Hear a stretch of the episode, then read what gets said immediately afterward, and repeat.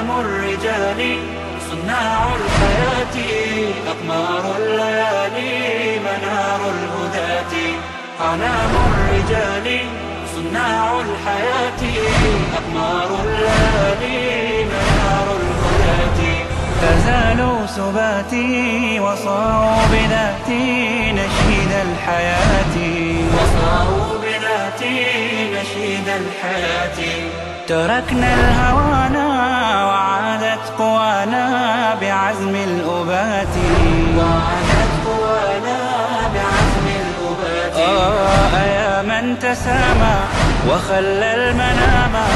جرى العمر يمضي ورا من سراما جرى العمر يمضي ورا إن الحمد لله نحمده ونستعينه ونستغفره ونعوذ بالله من شرور أنفسنا ومن سيئات أعمالنا من يهد الله فلا مضل له ومن يضلل فلا هادي له. أشهد أن لا إله إلا الله وأشهد أن محمدا عبده ورسوله.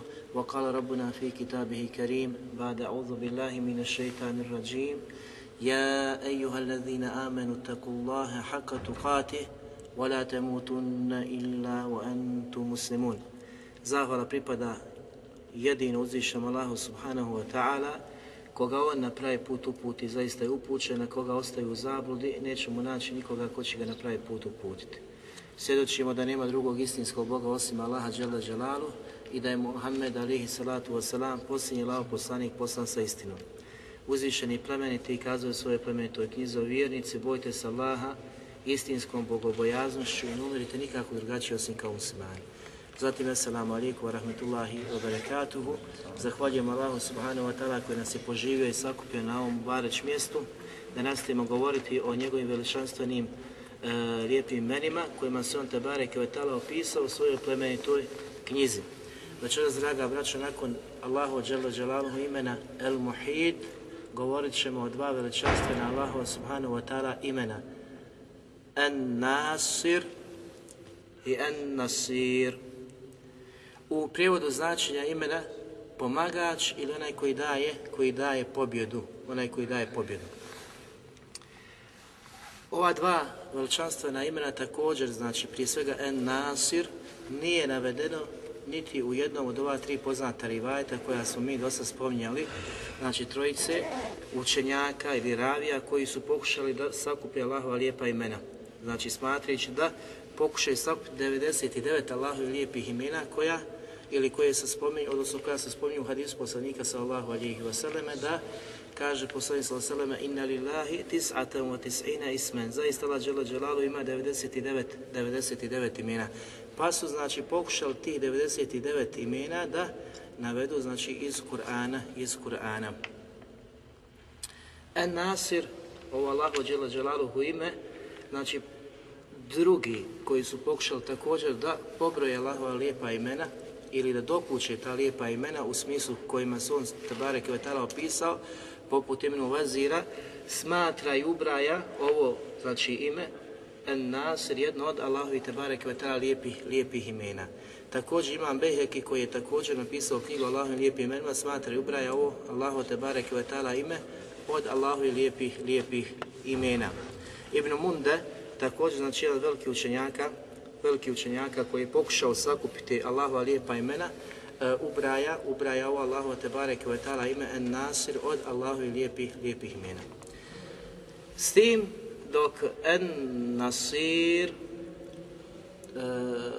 ne spominje, znači Velid ibn Muslim, niti Abdul Melik u Soni Vajetu, ali spominje Abdulaziz, Abdulaziz ibn Sanani. On znači navodi i spominje ovo Allahovo te bareke ime, jedno od, od Allahovi lijepih imena, e, zatim mnogi drugi učenjaci, Ibn Hajar Skalani, Še Ibn Samin, e, i prije njih, znači mnogi drugi koji, koji su pisali na ovu temu i koji su pokušali pobrojati Allaha te bareke lijepa, lijepa imena. Kazali smo da u jeziku znači Nasir. Nasir, pomagač. Ili onaj koji, koji daje, koji daje pomoć. Uh, Ragib, jedan od poznatih jezičara arapskog jezika, je kazao da ima značenje nusre, a to je pomoć. Pomoć. Vidjet ćemo znači, značenja koja su kazali učenjaci kada se odnose Lahate Bare Kvetala, e, kada se odnosi na Allaha subhanahu wa ta'ala koliko, koliko su ta velika značenja. Zato, draga braćo i cijene sestre, da mi smo danas u ovom vaktu jako potrebni shvatanje e, i razumijevanja ovog veličanstvenog Allahovog te barek ta'ala imena ili ovih imena, znači i Nasir i En Nasir. Zbog čega? Zbog toga što živimo u vremenu u kojem su muslimani potlačeni, u, gdje su se mnogi, znači svi, kako je poslanik sallallahu alihi wasallam nagovijestio mnogim svojim hadisima, da će se umeti ummeti ili narodi okomiti oko, oko ummeta poslanika alihi salatu wasalam. Ovdje kada kažemo ummeti, mislimo na one koji nisu vjernici, a na ummet, jer su svi mi ummeti, mi i vjernici, ne međutim ummet se dijeli na one koji su odazvali Allah, Allah se odazvali se pozivu poslanika i oni koji se nisu odazvali. Tako da oni koji se nisu odazvali, svi će se oni okomiti i okupiti, u, znači objediniti, sjediniti u smislu bori protiv muslimana e, udariti znači sa svih strana muslimani. Mi smo svjedoci današnjeg vremena kada su mnogi znači e, uspjeli svoje cijev prema, prema muslimanima. Ne mora biti znači samo cijev po pitanju znači naoružanja, mogu biti jezici, mogu znači biti pisana djela, sve znači što se odnosi u borbi protiv, protiv muslimana i njihovih, odnosno sebenika islama. Tako da je jako bitno da vidimo znači kome Allah vala obećava pomoć, koga će Allah Đelešanu pomoći, e, kakva su ta značenja, odnosno šta se proizilazi od plodova spoznaje veličanstveni Allahu i Tebare Kvetala imena En Nasir i En Nasir. Kako bi bar olakšali sekundu, sekundu našeg sadašnjeg života i u nadi velikoj da će Allah dželle dželalu ove plodove spoznaje ovih veličanstvenih imena, posebno imena je Nasir Nasir, spustiti na umet poslanika sallallahu alihi wasallam u današnjem, u današnjem vremenu. Koliko se puta spominju ova veličanstvena imena u Allahu i Tebare Kvetala knjizi, odnosno u Kur'anu. Prije svega en, na, en Nasir se spominje samo jedan put i to u obliku, u obliku množine. Allah Đelešanu kaže u suri Ali Imran 150. ajetu i vidjet ćemo što je kazao imam e, Taberi kada pojašnjava e, značenje ovog Allahovog te bareke vetala imena. Allah što kaže Belillahu meulakum u istinu jedini vaš zaštitnik je Allah dželle dželalu. Zatim kaže nakon toga wa huwa khairun nasirin. I on je u istinu najbolji, najbolji pomagač. Najbolji pomagač. Ovo je došlo znači u množini a, iz toga se znači uzima kao jedno od Allahovi Tebareke Vetala lijepih imena En Nasir. Dok uh, Allahu Tebareke Vetala ime En Nasir se spominje na četiri mjesta, na četiri mjesta u Kur'anu. Prije svega, znači Allah Đelešanu kaže u suri El Enfal u 40. ajetu وَإِن تَوَلَّوْا فَعْلَمُوا أَنَّ اللَّهَ مَوْلَاكُمْ A kada, ili kada oni lijeđa okrenu, ili kada se okrenu od istine, znajte da je uistinu jedini vaš istinski zaštitnik Allah te bareke ve taala. Allah dželle vala je naš pravi, zaista znači pravi istinski zaštitnik. Zatim kaže Allah dželle šanuhu ni'mal maula wa ni'man nasir. Pa divan li on zaštitnik i divan je on pomagač.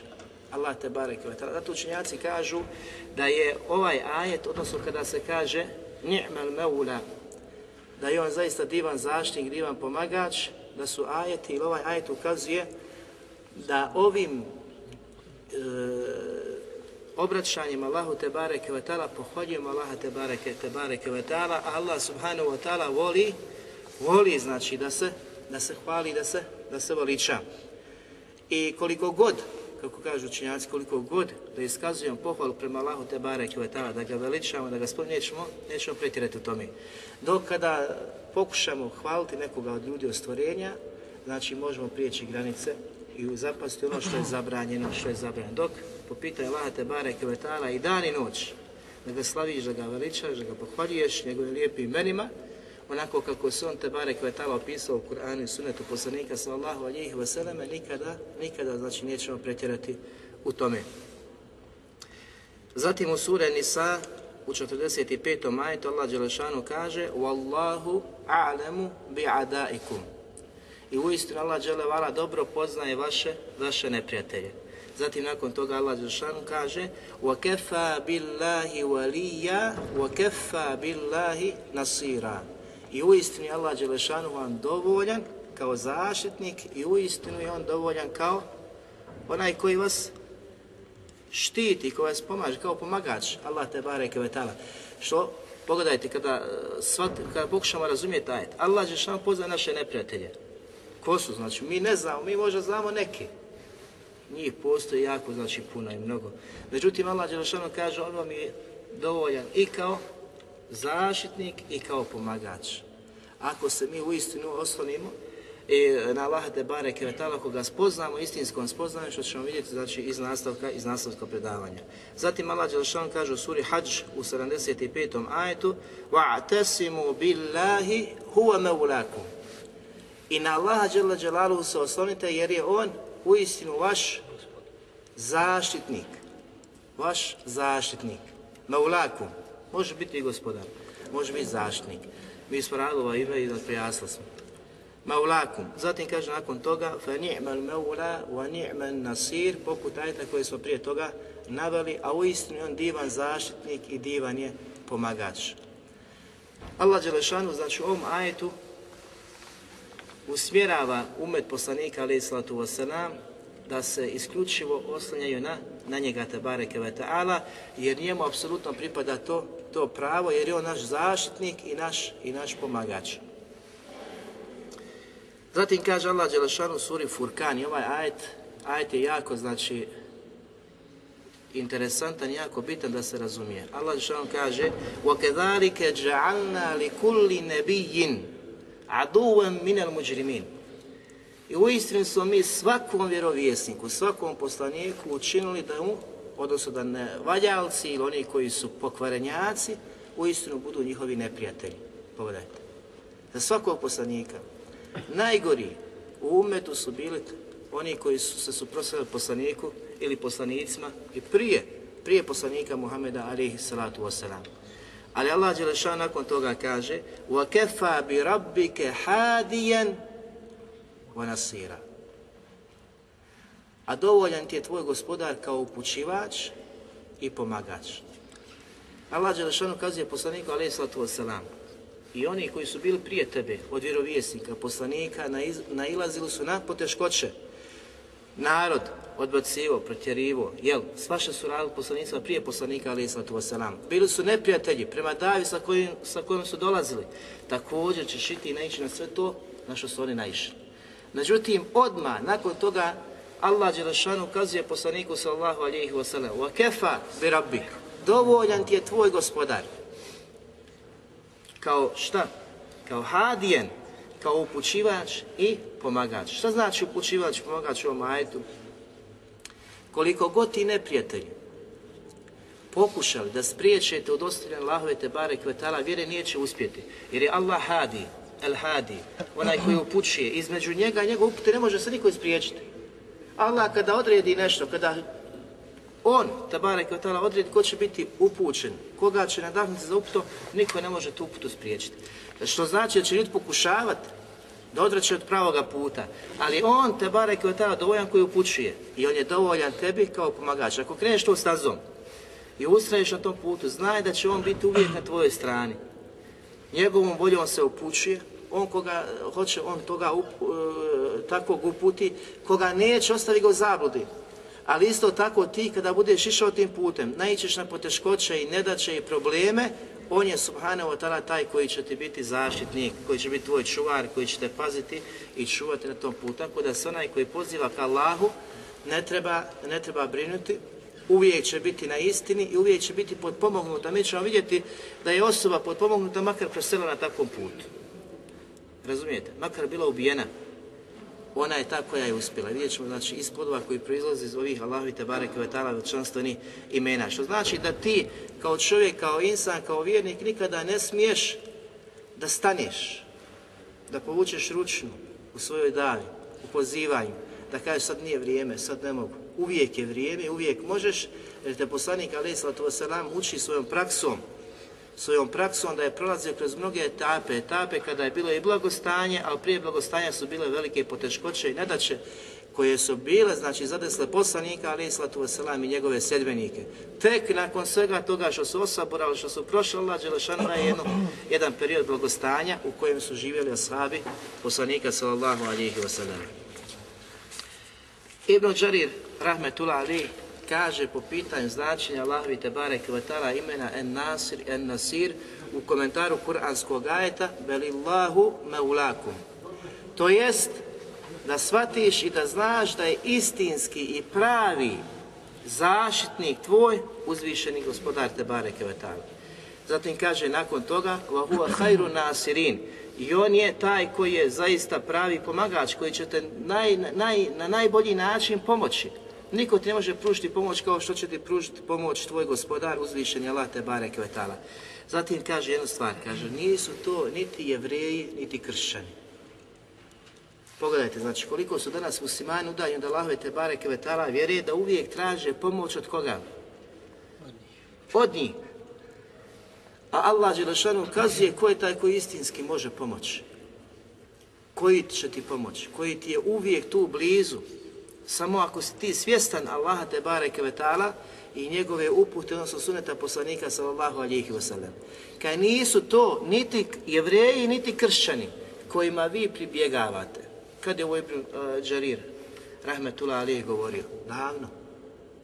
Zatim kaže nakon toga, ne, već je uzvišeni Allah te bareke vetala vaš istinski zaštitnik i onaj koji će vas štiti i pomagati, pomagač. Ne postoji neko pored Allaha te bareke ve da postoji takve, takve osobine. Zato kaže na njega se oslanjajte. Ako ste ga shvatili i razumjeli u smislu značenja što ukazuju Allaha te bareke ve lijepa imena, ako ste spoznali Allaha te bareke ve na njega se oslanjajte. Ako niste, što znači ako ti majka te lekul i oslan se Allaha te barek, ti ćeš tražiti na stvorenja da se oslanjaš u svojim stvarima svakodnevnim problema, nedaćama, uvijek na stvorenja. Ne, ne vraća se na onoga koji je stvoritelj stvorenja, nego si znači zaboravan, nehajan si prema tome i nisi spoznao Allah te barek i njegovu, i njegovu veličinu. Zatim kaže od njega tražite pomoć. Na njega se oslanjajte i od njega tražite pomoć, a ne od onih koji će vas na stramputicu odvesti i koji stalno, kažu, u svakom smislu spletkare prema, prema kosti, Neprijatelji islama, prije svega znači jevreji i kršćani, niti jedni, niti drugi neće biti zadovoljni sama, sve dok ne budemo poput, poput njih. Ma koliko oni ljepšavali svoj govor kada se obraćaju nama. Zatim Halimi Rahmetullah Ali kaže, en nasir ima značaj pravi razlik između nasir i nasir. Nasir je onaj koji olakšava ti pobjedu. Allah dželle ti olakšava pobjedu.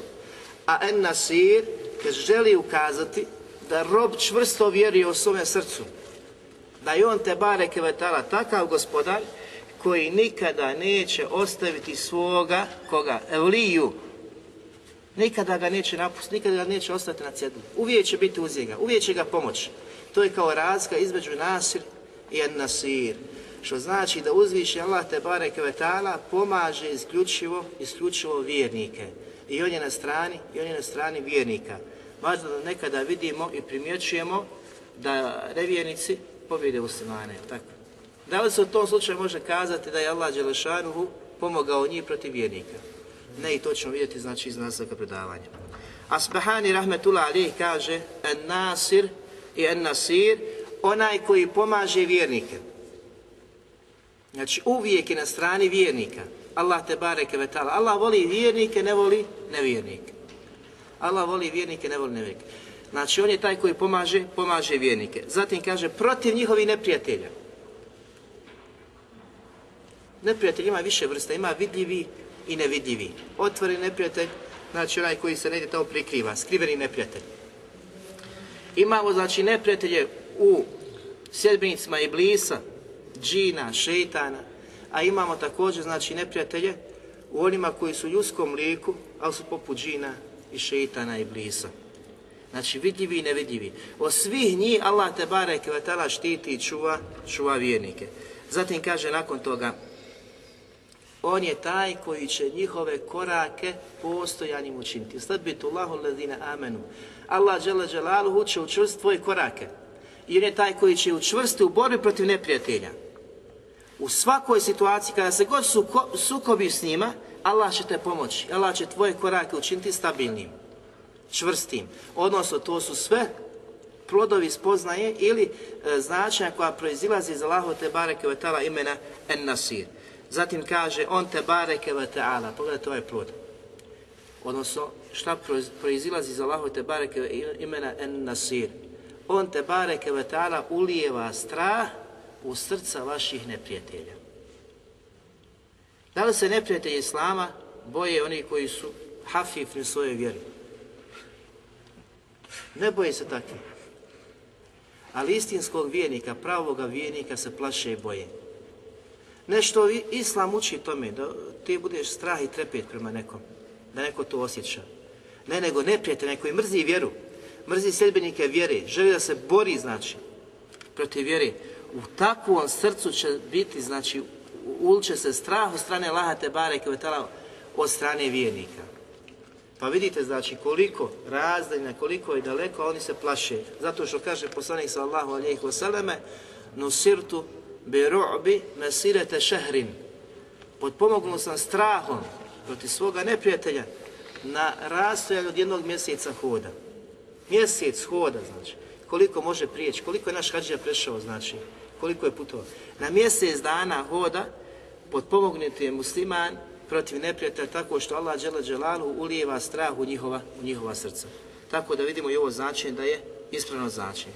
Šta su plodovi spoznaje ovih veličanstvenih Allahovi te bareke imena? Prije svega uzvišeni Allah dželle dželaluhu je istinski naš pomagač. On je taj koji daje pobjedu vjernicima. On je taj koji je na strani vjernika. I on je taj koji će uvijek pomoći, pomoći vjernike. I vijenik u svakom pogledu će osjeti pobjedu. Međutim, pojeta je u tome što danas kada kažeš nasr i pobjeda, mi je u pravom smislu tom, znači ne shvatamo, ne razumijemo pravo značenje te riječi. Mi samo mislimo kada muslimani pobjede, jel, kad dođu mašu tamo zastavama, sabljama tada su pobjedili. Musliman pravi iskreni vijenik u svakom pogledu je uspio i pobjednike i kad ga zadesi dobro i kada ga zadesi i kada ga zadesi zlo. Tako ćemo vidjeti da ova večerašnja dva imena nadopunjavaju ili upotpunjavaju Allahu te bareke vetala ime El Muhit. I znači prošlog predavanja koje smo, koje smo znači ovdje pojašnjavali. Allah Đelešanu kaže u suri El Mu'min u 51. ajetu Inna lenunsuru rusulena والذين آمنوا في الحياة الدنيا ويوم يقوم الأشهاد i u istinu ćemo mi, inna, Allah džele dželalu, znači ovdje potvrdno govori, ćemo pomoći i dati pobjedu našim poslanicima. Volladine amenu i svima onima koji budu vjerovali. Što znači da Allah Đelešanu iz ovog imena En Nasir, En Nasir proizilazi iz poznanja da Allah Đelešanu će pomoći i vjerovjesnike i vjernike, odnosno njihove iskrene sredbenike. Kogod bude na stazi putu vjerovjesnika i poslanika, Allah Đelešanu će tako pomoći. Jer Allah tako e, obećava na Dunjaluku, na ovome svijetu i dana kada budu proživljeni, jeume je kum, kada budu ustali ko? El ešhad, kaže Allah Đelešanu, svjedoci koji će se doći na sudnjen dan. I toga dana i na ahiretu i na Dunjaluku Allah Đelešanu kaže da će pomoći vjernike. Kana haqqan alejna nasrul mu'minin. Allah Đelešanu kaže, naša obaveza, naše pravo je da pomognemo vjernike. Da budemo strani vjernika. Da im damo da im damo znači pobjedu. Inna Allahe yudafiju anil ladina amenu. I Allah uvijek štiti vjernike. Yudafi ovdje ima znači kada god neko krene znači prema tebi, Allah Đelešanu će te štititi. Te spletke će znači odbaciti od tebe. Ali koga? Iskrenog vjernika. Onaj koji bude znači upotpunio taj iman, koji zaista bude od iskrenih vjernika, svjestan Allaha te bareke ve svjestan njegovog prava, takvog će Allah štititi i pomoći i na Dunjaluku i na Ahiretu. Zatim, Imam Kurtobi Rahmetullah Ali kaže, obaveza i na svakom pojedincu, svakom znači šarijaskom obvezniku, da svati i da zna, i ne samo da zna, nego da bude ubijeđen da je Allah Đelešanu njegov njegov istinski pomagač. Moraš biti ubijeđen. Možeš ti čitati, možeš ti slušati, i Kur'an znači pročitati i vidjeti mnoge poruke u Kur'anu. Znači moraš biti ubijeđen, mora biti jekin u tvom srcu da je Allah dželle dželaluhu tvoj istinski pomagač. Ti drugog nemaš pomagača osim Allah te bareke, te bareke vetala. I da znaš da niko drugi ne daje pobjedu osim on te bareke vetala.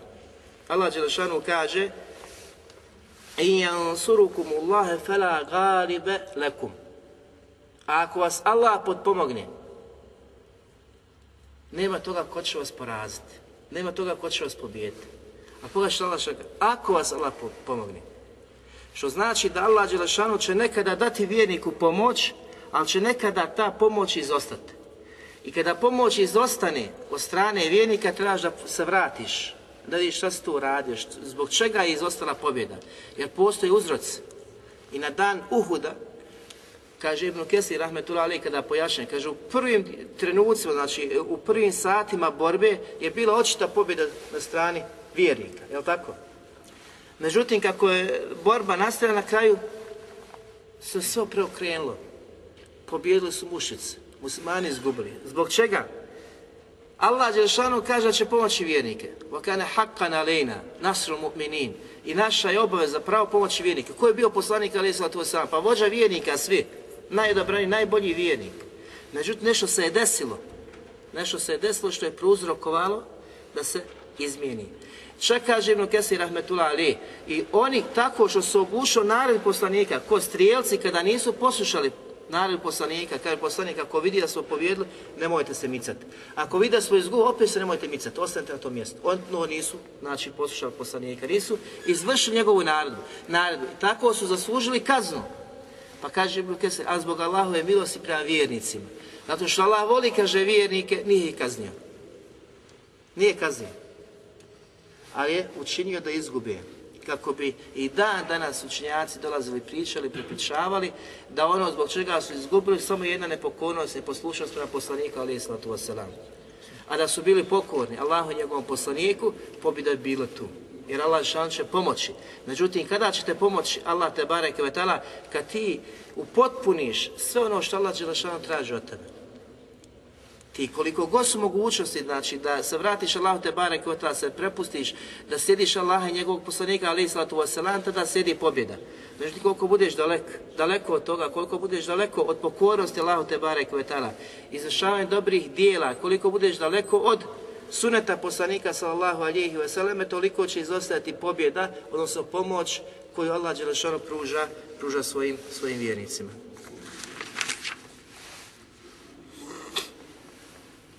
Zatim druga, drugi plus poznaje Allahog te barek i imena En Nasir ili En Nasir da Allah Đelešanuhu učvrsti pravoga vjernika, iskrenog vjernika na istini. Ogleda se znači u tome da Allah Đelešanuhu učini postojanim. Ono što danas nedostaje nama kame. Mnogi danas znači e, krenu staza suneta poslanika alaih sallatu wasalam, vrati se vjeri, ali nakon kratkog perioda, jel, počnu stagnirati i na kraju ostave sve ili vrlo malo znači imaju kod sebe kod se pokornosti prema uzvišenom Allahu te bareke i slijeđenju suneta poslanika alaih sallatu wasalam. Allah Đelešano obećava da će učvrstiti vjernike, pravi istinske vjernike. I to je jedan vid pomoći Allaha te bareke koju koju znači, e, koja proizilazi, odnosno spozna koja proizilazi iz ovih imena, da će, da će ta Đelšanu učvrstiti, učiniti poslije. Kada, kada zaista budeš pravi istinski vjernik, Allah Đelšanu će ti olakšati da ustraješ, da budeš na pravom putu, onako kako on te bareke vetala traži od tebe. I ne samo na Dunjaluku, nego će te učvrsti na Ahiretu, a na Ahiretu se odnosi kada budeš u kaburu, kada budeš pitan od strane Meleka, ko je tvoj gospodar, koja je tvoja vjera, ko je tvoj poslanik. Danas i malo dijete i starac svi mogu kazati da je njegova vjera jel, e, islam, da je gospodar Allah dželle i da je poslanik Muhammed wasalam. Međutim, u kaburu neće moći svi tako lako izgovoriti te. Nego zaista pravi istinski vjernici koji su živjeli na Dunjaluku onako kako je Allah Đelešanu tražio, tražio od njih nema poigravanja. Nekad ti možeš stagnirati, možeš popust, ima teuba, ima nešto se vraća Allah te bare kvetala. Ali da ostaviš u potpunosti i da te u takvom stanju zadesi smrt, pa kad preseliš drugi počeo pri, bio je dobar, kaže. Bio je dobar, radio je to, radio je, međutim Allah Đelešanu zna ko je dobar, a ko nije. Allah Đelešanu kaže وَيُثَبِّتُ اللَّهُ الَّذِينَ آمَنُوا بِقَوْلِ sabit. Allah Đelešanu će učvrsti one koji vjeruju postojanjem riječi, a to je na dunjaluku i na ahiretu. Fil hayati dunija, wa fil ahire. I na dunjaluku i na ahiretu. Allah će ti olakšati da tvoji koraci budu stabilni, da tvoji koraci budu čvrsti onoga trenutka kada Allah Đelešanu vidi u tebi hajr, vidi da ti želiš.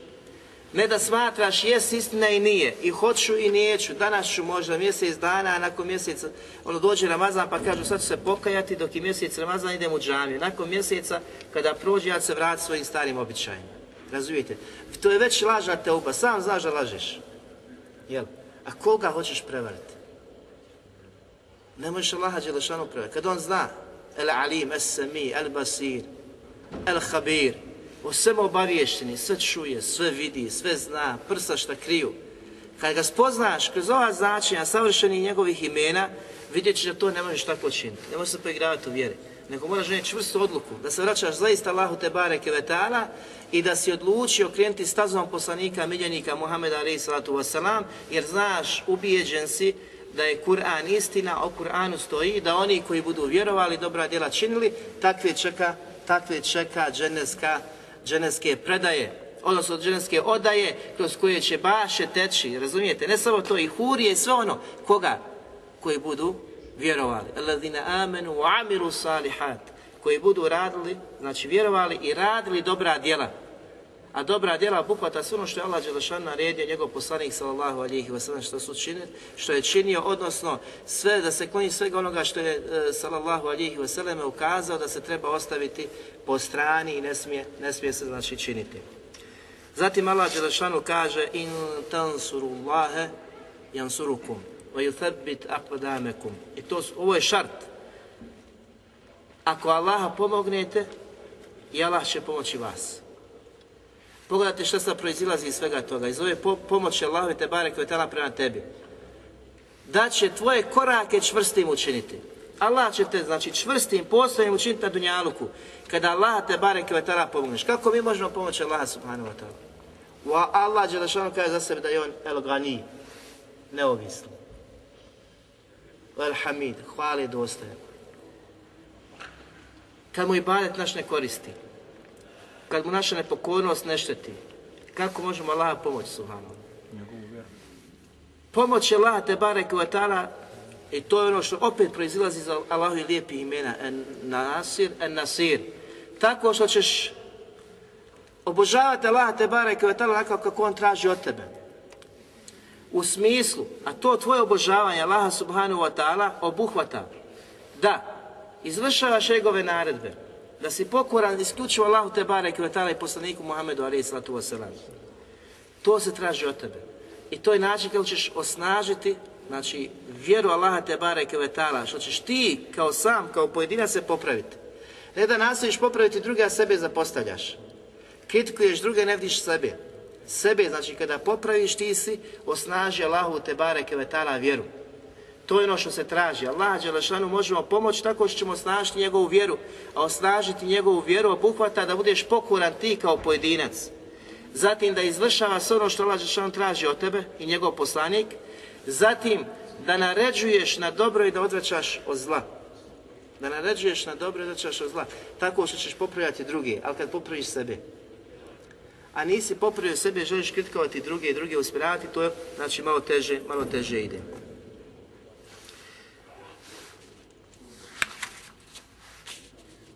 Zatim, sljedeći plod koji proizilazi iz Allahov te barek imena ili spozna Allahovog imena en nasir, en nasir, da Allah Đelešanuhu nekada vjernika može pomoći tako što će ga usmrtiti na istini. Znači Allah Đelešanuhu prije toga smo kazali te učini da budeš postojan, čvrst. Koliko god fitne dolazile, koliko god fitne prolazile, ti su uvijek stabilan na pravom putu, svjestan. Jer imaš i znanje imaš iman, imaš tevekul, imaš jekinu Allaha te bareke. I vjeruješ da je on taj koji pomaže vjernike. I Allah, Allah Đelešanu će to učvrstiti na pravom putu. Međutim, nekada se ova pobjeda odnosi ili ova pomoć od strane Allaha te bareke prema vjerniku tako što ti kao takav kakav jesi, kao vjernik, preseliš na istini, na pravome putu. Budeš ubijen. Budeš ubijen. Kako možemo nazvati ili kazati da je to pobjeda, ti preseliš. Nisi je vidio, nisi je osjetio, nisi je doživio. Iz primjera, znači, vjerovjesnika prije poslanika sallallahu alejhi ve sellem. Koliko je, znači, vjerovjesnika koji su bili židovi? Velik broj. Da li ćemo kazati da su oni izgubili, da nisu do, doživjeli pobjedu? Oni su doživjeli pobjedu. Šta, znači, šta je smisao riječi pobjede? Nasr. Jeste da budeš takav, odnosno, da budeš onakav kakav Allah Đelešanu traži da budeš i da ustraješ na tome i da na tome preseliš. To je pobjeda. Makar bio sam, makar bio pojedinac. Da budeš čvrst na pravome putu i da doživiš smrt. Zato što ashab kada je preselio u trenucima kada su ga znači pogodili, kaže fustu bi rabbili Kabe. Uspio sam tako mi gospodara Kabe. Ubijen, kaže, uspio je. Doživio je po, o, pobjedu. Pobjedio je neprijatelje. A on već preselio ko šehid. Zašto? Zato što je preselio na istini. Boreći se za istinu. Koliko je danas boraca koji se bore za istinu, koji prezentiraju istinu i koji presele na tom putu. Mada nisu vidjeli rezultate. Nisu vidjeli rezultate pobjede. Ali su svi oni uspjeli. I svi su kod Allaha te bare kvetala od onih kojima je pripisana velika pobjeda. Fauzul nazim. Velika znači pobjeda. Vidimo znači iz primjera vjerovjesnika, iz primjera ashaba i vidjet ćemo iz primjera prijašnjih prijašnjih naroda. Allah Đelešanu kada govori u suri Buruđ o onim vjernicima koji su ubijeni. Allah Đelešanu kaže Inna ladine amenu, odnosno prije toga Inna ladine fetenu mu'minine wal mu'minat Thumma lam yetubu i oni koji su mučili, kažnjavali, bili znači fitna za vjernike i vjernice, a nakon toga se nisu pokajali. Subhana, pogledajte jedna druga fajda prije što kažem ovu. Thumme lem je tubu. I nisu se nakon toga pokajali. Znači vi znate šta su sve radili vjernicima, ali opet vrata teube su bila otvorena. Vrata teube su bila otvorena. Nakon toga se nisu pokajali, Allah što vam kaže Felehum azabu džehennem, volehum azabu harik.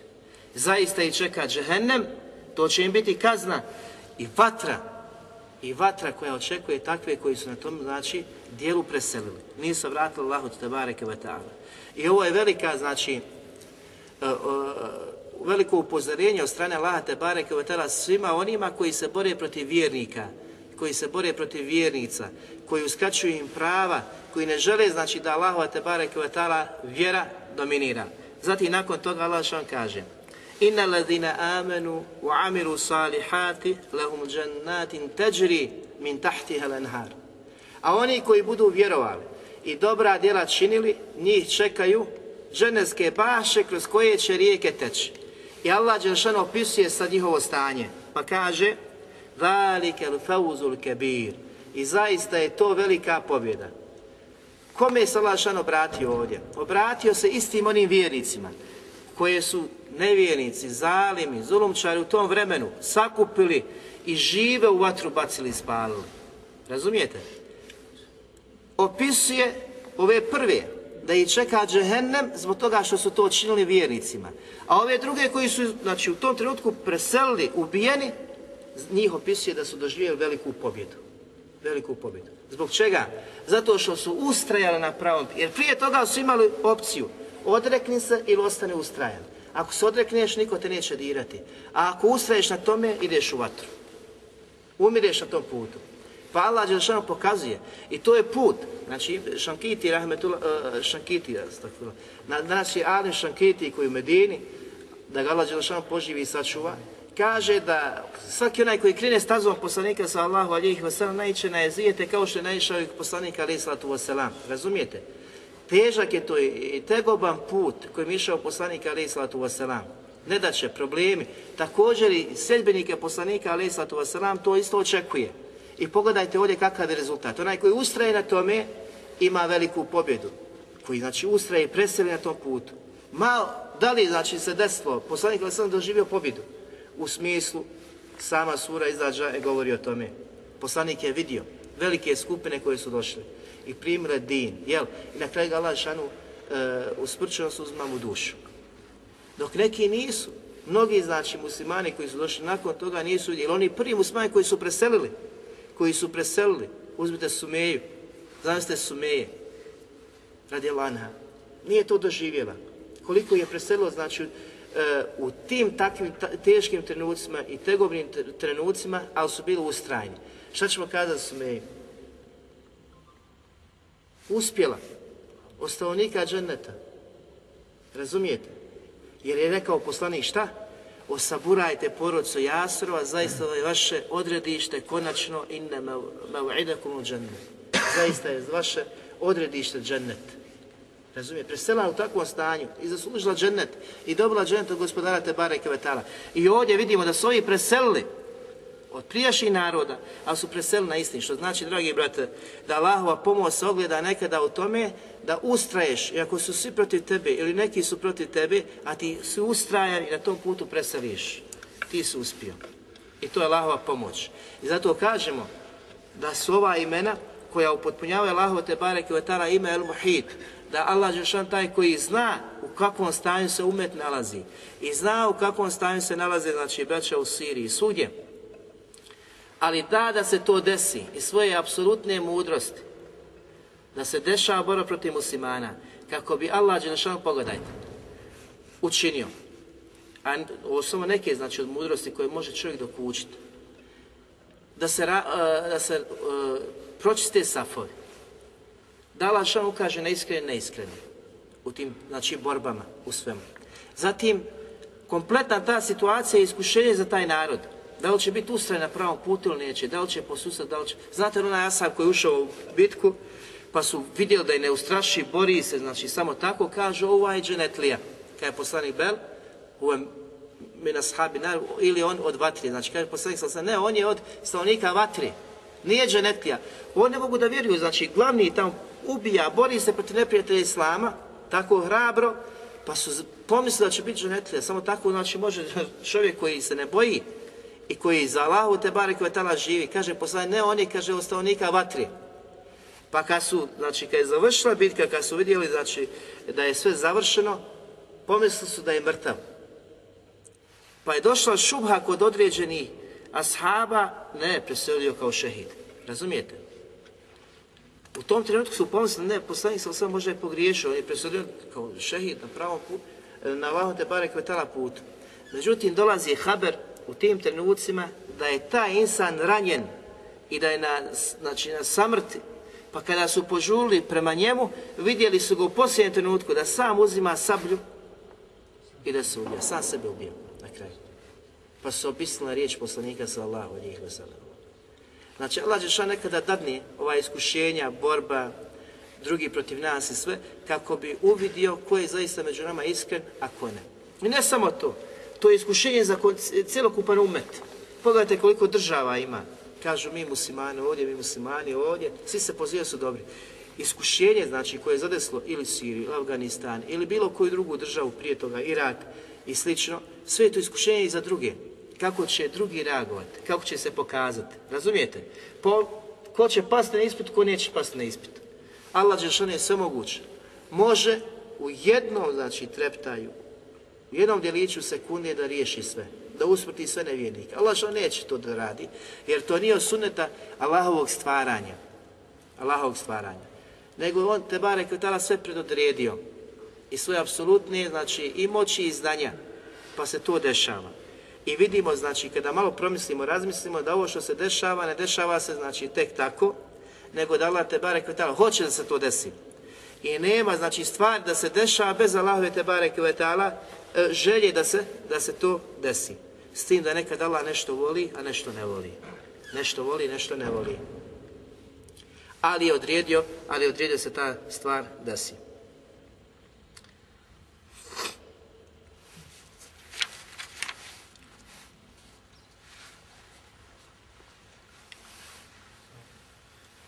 Zatim na kraju ćemo još kazati da mnogi ajeti u Kur'anu ukazuju, ukazuju precizno da je jedini zaštitnik i jedini pomagač za vjernike Allah te bareke ve ta'ala. Kao što smo na početku kazali, kako bi srca se prepustila Allahu subhanahu wa ta'ala, kako bi se na njega oslanjali, kako bi se samo u njega te bareke ve ta'ala pouzdali u svim našim, u svim našim stvarima, u svim našim postupcima, jer on te bareke ve ta'ala, ko se na Allaha te bareke ve ta'ala oslani, Allah takvog neće ostaviti. Neće ga zaboraviti. U smislu Allah ne zaboravlja sve. Međutim, Allah Đelešanu vijenika voli i traži njega oslanac. I to je jedan veliki znači, temelja naše vjere, da se oslanja samo na Allaha te bareke, te bareke ve ta'ala. Allah Đelešanu kaže u suri Muhammed u 11. ajetu ذَلِكَ بِيَنَّ اللَّهَ مَوْلَ الَّذِينَ آمَنُوا A to je iz prostog razloga što je Allah Đele Đelaluhu zaštitnik vjernika. Gdje su nevjernici? Allah što kaže za njih وَأَنَّ الْكَافِرِينَ لَا مَوْلَا لَهُمْ A nevjernici, oni zaštitnika nemaju. Zato nije neispravno kazati kada nevjernici pobjede vjernike da Allah potpomogao znači nevjernike protiv vjernika. Nego se može kazati Allah im je dao znači vlast. Prepustio njima vlast. Zbog slabosti muslimana u vjeri. A da su muslimani jaki i snažni u svojoj vjeri, Allah bi njih ojačao, snažio i pomogao protiv njihovih, njihovih neprijatelja. Zatim Allah Đelšanu kaže Alam ta'lem Alam ta'lem enna Allahe lehu mulku samavati val ard. Zar ti ne znaš? Pogledaj, zar ti ne znaš, kaže Allah Đelšanu, da Allahu pripada vlast nebesa i zemlje? Zar još nisi spoznao to? Zar još to nisi shvatio? Da vlast, apsolutna vlast i nebesa i zemlje pripadaju Allahu te bareke, te bareke vetala. A nakon toga, znači, ako si tu istinu spoznao, poslušaj šta ti tvoj gospodar, šta ti tvoj gospodar nakon toga kaže. وَمَا لَكُمْ مِنْ دُونِ اللَّهِ مِنْ وَلِيٍّ وَلَا نَصِيرٍ I vi, pored Allaha, nemate niti zaštitnika, niti pomagača. Ako si istinu shvatio da pripada vlast nebesa i zemlje Allahu te barek, da ste vlast nebesa i zemlje, subhanallah. To nije znači vlast neč, jednog malog dijela zemaljske kugle, države, vlast nebesa i zemlje. zato upamte da pored Allaha vi uistinu nemate niti zaštitnika, niti pomagača. Koliko god ljudi uvidjeli snagu u nekim državama, u nekim znači, e, vojskama i slično, nema tu snage. Istinska snaga i moć pripadaju kome? Allahu te bareke ve ta'ala. I kada to shvatiš i razumiješ, onda se oslanjaš na njega. Šta god da se zadesi, ti si na istini. Ti si onaj kojeg će Allah pomoći. Makar znači da osjetiš i vidiš i doživiš rezultate svoje borbe, svoje borbe, ili da budeš uskraćen rezultata da i ti doživiš i vidiš, ali da preseliš na tome, ti su one koji su uspjeli i koji Allah te bare koje tala osnažio, pomogao, jer si ustrajao na istini i na toj istini zaista se vratio Allahu te bareke, te bareke ve ta'ala. U sure Al-Imran Allah što kaže وَمَنْ نَصْرُ إِلَّا مِنْ عِنْدِ اللَّهِ I pobjeda i pomoć nisu ni od kog drugog osim osim od Allaha te bareke ve ta'ala. Što vidimo da pomoć, istinska pomoć, dolazi samo od Allaha te bareke wa ta'ala i onda kaže El Aziz il Hakim. Snažni, El Aziz, moćni, jaki i El Hakim. Mudri. Zato povezimo svu tu pomoć i pobjedu Allaha te bareke sa njegovom mudrošću. Određuje kada hoće. Međutim, oni koji nisu shvatili, kako smo kazali prošli put, oni govore meta nasrullah i kada će pomoć Allahova doći. Jer su slabašnog imana, nisu spoznali Allaha te bare kevetala. Pomoć će ti doći, ako dođe neprijatelj usmrti na pravom putu. To je pomoć. Od Allaha te. Ti predstavljiš ko pravi vjernik. I to je zaista pravo uh, razumijevanje, shvatanje Allahove te bare kevetala uh, pomoći koju je obećao vjernicima, kao što kaže, kana haqqan alejna nasrul mu'minin. I to kada čovjek shvatim da nema dileme, ne može kaže, kako Allah što kaže, zaista će, obaveza je da nama da pomognemo vjernike, a mi danas vidimo znači da su vjerni, vjernici u smislu jednom potlačeni, poniženi, da drugi upravljaju sa vjernicima. Ali to vjernik treba da se zapita kakav je on vjernik. Među vjernicima ima dobri, ima i loši. Oni dobri ne mogu da izmijene situaciju. Allah Đelšan neće izmijeniti situaciju jednog naroda dok taj narod sam sebe ne promijeni, sam sebe ne izmijeni, dok se ne vratimo Allaha. Kada se vratimo Allahu, وَإِن تَصْبِرُوا وَتَتَّكُوا لَا يَدُرُّكُمْ كَيْدُهُمْ A ako budete strpljivi, i ako budete bogobojazni, nikada vam neće nauti njihove spletke. Nikada. Allah žan garantije, nikada. Ali ako budeš saburao, a ne znači prvi udarac, ti popustiš, izgubiš strpljenje, uradiš ono što je suprotno Kur'anu i sunetu poslanika sa osalem, po svom nekom nahođenju postupaš, misliš da si pametan, a ne slidiš učeni, razumijete? Nego sve ovo se vraća na svata i razumijanja svi kuranski ajeta, svega što citiram, svega što govorimo, na smjernice poslanika alaih i svatanje tih istih smjernica od strane prve generacije muslimana. Kur'an danas mogu svi uzeti, čitati i kazati, aha, ovo ukazuje na to, ovo ukazuje na to. Ne, to nije, znači, niti je moguće, niti je to dozvoljeno tako činiti. Zbog čega? Zato što se Kur'an prepušta onim koji su učeni, da oni tumače i, a prije svega najučeniji od umeta poslanika, alaih sallatu su je prva generacija muslimana. Kako su oni shvatili određene ajete, i hadisa poslanika alaih sallatu i mi trebamo. I zato je uspio onaj u shvatanju, razumijevanju, sljeđenju istine koji zaista slijedi Kur'an i Sunet, ali na shvatanju i razumijevanju Kur'ana i Suneta na prvim generacijama Selefa, a prije svega to su sahab poslanika sallallahu, sallallahu alihi wasallam. Zatim pogledajte, koliko je to da, Jaci? Stanje Musa alihi sallatu wasalam. Musa alihi sallatu wasalam Znači, da, e, jedan primjer kroz koji možemo primijetimo i vidimo kako Allah zaista je na pomoći i na strani vjernika. Musa alaih salatu wasalam. Allah Đelšanu mu naređuje neko što je ubio čovjeka da se vrati da opominje koga? Najvećeg zalima, taguta, e, koji se pojavio. Faraona. Musa osjeća strah. Allah Đelšanu sklanja strah iz njegovog srca. Učvrši ga sa govorom da će ga pomoći, će biti uzim ga, idi. Musa odlazi, Musa poziva, Musa traži, Musa, Musa već ima znači, neke svoje određene sedbenike. Farao naređuje znači, da on sa svojom vojskom zajedno skupa krenu za Musaom kako bi ga znači, dokreću, odnosno kako bili Musa i njegove sedbenike. Šta se dešava? Pogledajte.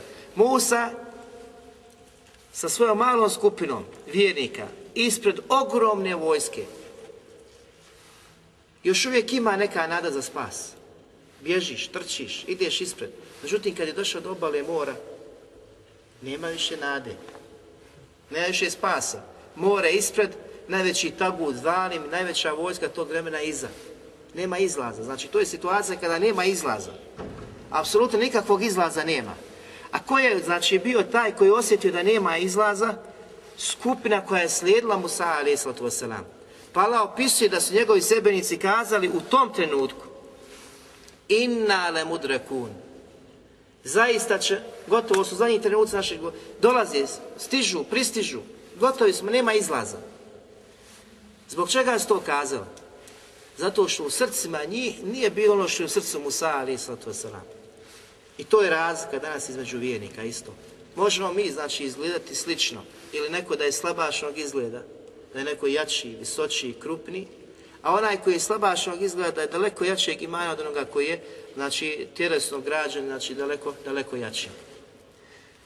U ovom trenutku on su to kazali. A Musa, ko, koga je odgojio uzvišenje Allah te bareke vetala, koji je imao iman u svom srcu, iman, i to pravi istinski iman, koji je imao jekin, pogledaj, iman i jekin, možeš nekad nešto vjerovati, možeš biti ubijeđen u to što vjeruješ. Jekin, i telekul na Allaha te bareke ve si ubijeđen da vjeruješ u Allah dželaluhu, da je opisan sa savršenim svojstvima, da je on el qawi, da posjeduje kuve, neopisivu snagu i moć, da je on el aziz i da je on nasir, da je on taj koji pomaže vjernike, koji je na strani vjernika, Musa a.s. sam imao i bio je ubijeđen u to. U srce mu se ula, znači, i, i ulio i taj iman i taj uh, jekin i tevekul na Allaha te bareke ve ta'ala. I on ne dozvoljava, znači dok su oni to izgovarali, on automatski kaže kella, nikada. Nije to istina. Ni se to može, može desiti. Inne me je rabbi se jehdin. U istine, uz mene moj gospodar koji me neće ostaviti, odnosno koji će me put na pravi put. Zaista su vana, to je situacija, to ima. Musa još nije dobio vahi što treba činiti, što treba raditi.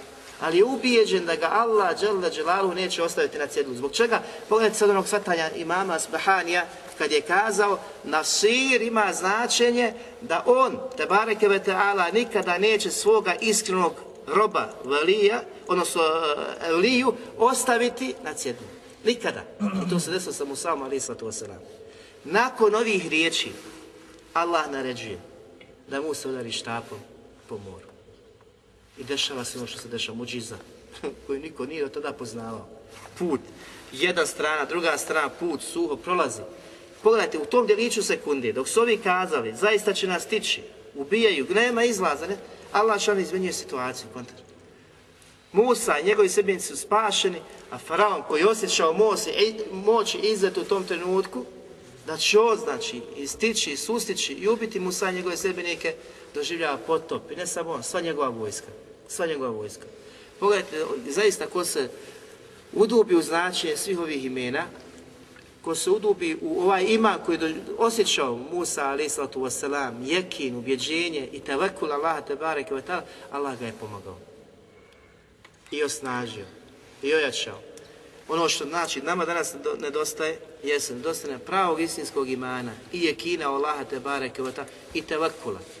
Jer danas se muslimani na sve druge osim, osim, osim na Allaha subhanahu, subhanahu wa ta'ala. Zato poslanik alaih salatu wasalam kada je ulazio u Meku, Fethu Meka kada znači, se desilo oslobođenje Meke, poslanik sallallahu alihi wasallam u tom trenutku je učio dovu koju? La ilaha illa Allahu wahde. Nema drugog istinskog Boga osim Allaha jedinog. E azze džunde, wa nasara abde, wa galebe lahzabe wahde, wa la še'e ba'd. To je poslanik sam učio. Ne samo poslanik, i ashabi koji su ulazili. Pripisujući sve to što se je desilo kome, Allahu te bare kvetala. Nije se to pripisalo deset hiljada sebenika sa kojima je došao poslanik. Nema istinskog Boga osim Allaha jednog jedinog, koji je ojačao svoju vojsku. Azze džunde, koji je pomogao svoga roba, naziva svoga roba, koga poslanika, ali i koji je jedini, Galebe lahzabe vahde, koji je jedini porazio saveznike. Misli se na Hendeku, bitka na Hendeku. Znate kada smo smanjili, izgubili soku na Al Halas, Allah šan šalje vjetar. Znači jedini koji je pomogao i koji je porazio sve saveznike Allah te barek ve ta'ala. E ba'de.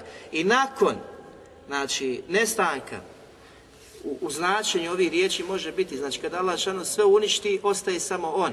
I nakon ostajanja njega ne, niko neće biti nakon znači Allah te bareke ve taala. Kulu shay'in haliku ila vajha sve što je mimo Allaha će biti uništeno. Ostaje samo Allah te bareke ve taala. To je nakon znači e, kada Allah usmrti stanovnike nebesa i stanovnike stanovnike stanovnike zemlje. Zatim poslanik je učio sljedeću dovu. Allahumma ente Allahumma ente adudi wa ente nasiri wa uqatilu, znači wa bike uqatilu. Allah šan, odnosno poslanik sam se mučio gospodar moj, Allahumma ente adudi, ti si moj oslonac, wa ente nasiri, ti si moj pomagač, wa bike ukatilu, i tvojim imenom, ili s tvojim imenom se borim. Allah, e, pogledajte znači kako poslanik sallahu alihi wasallam osaja se na Allaha džela dželaluhu, potvrđuje da je on njegov znači oslonac, da je on njegov pomagač i da se on kada se bori, bori se isključivo radi, radi Allaha te barek i u njegovo, i njegovo ime.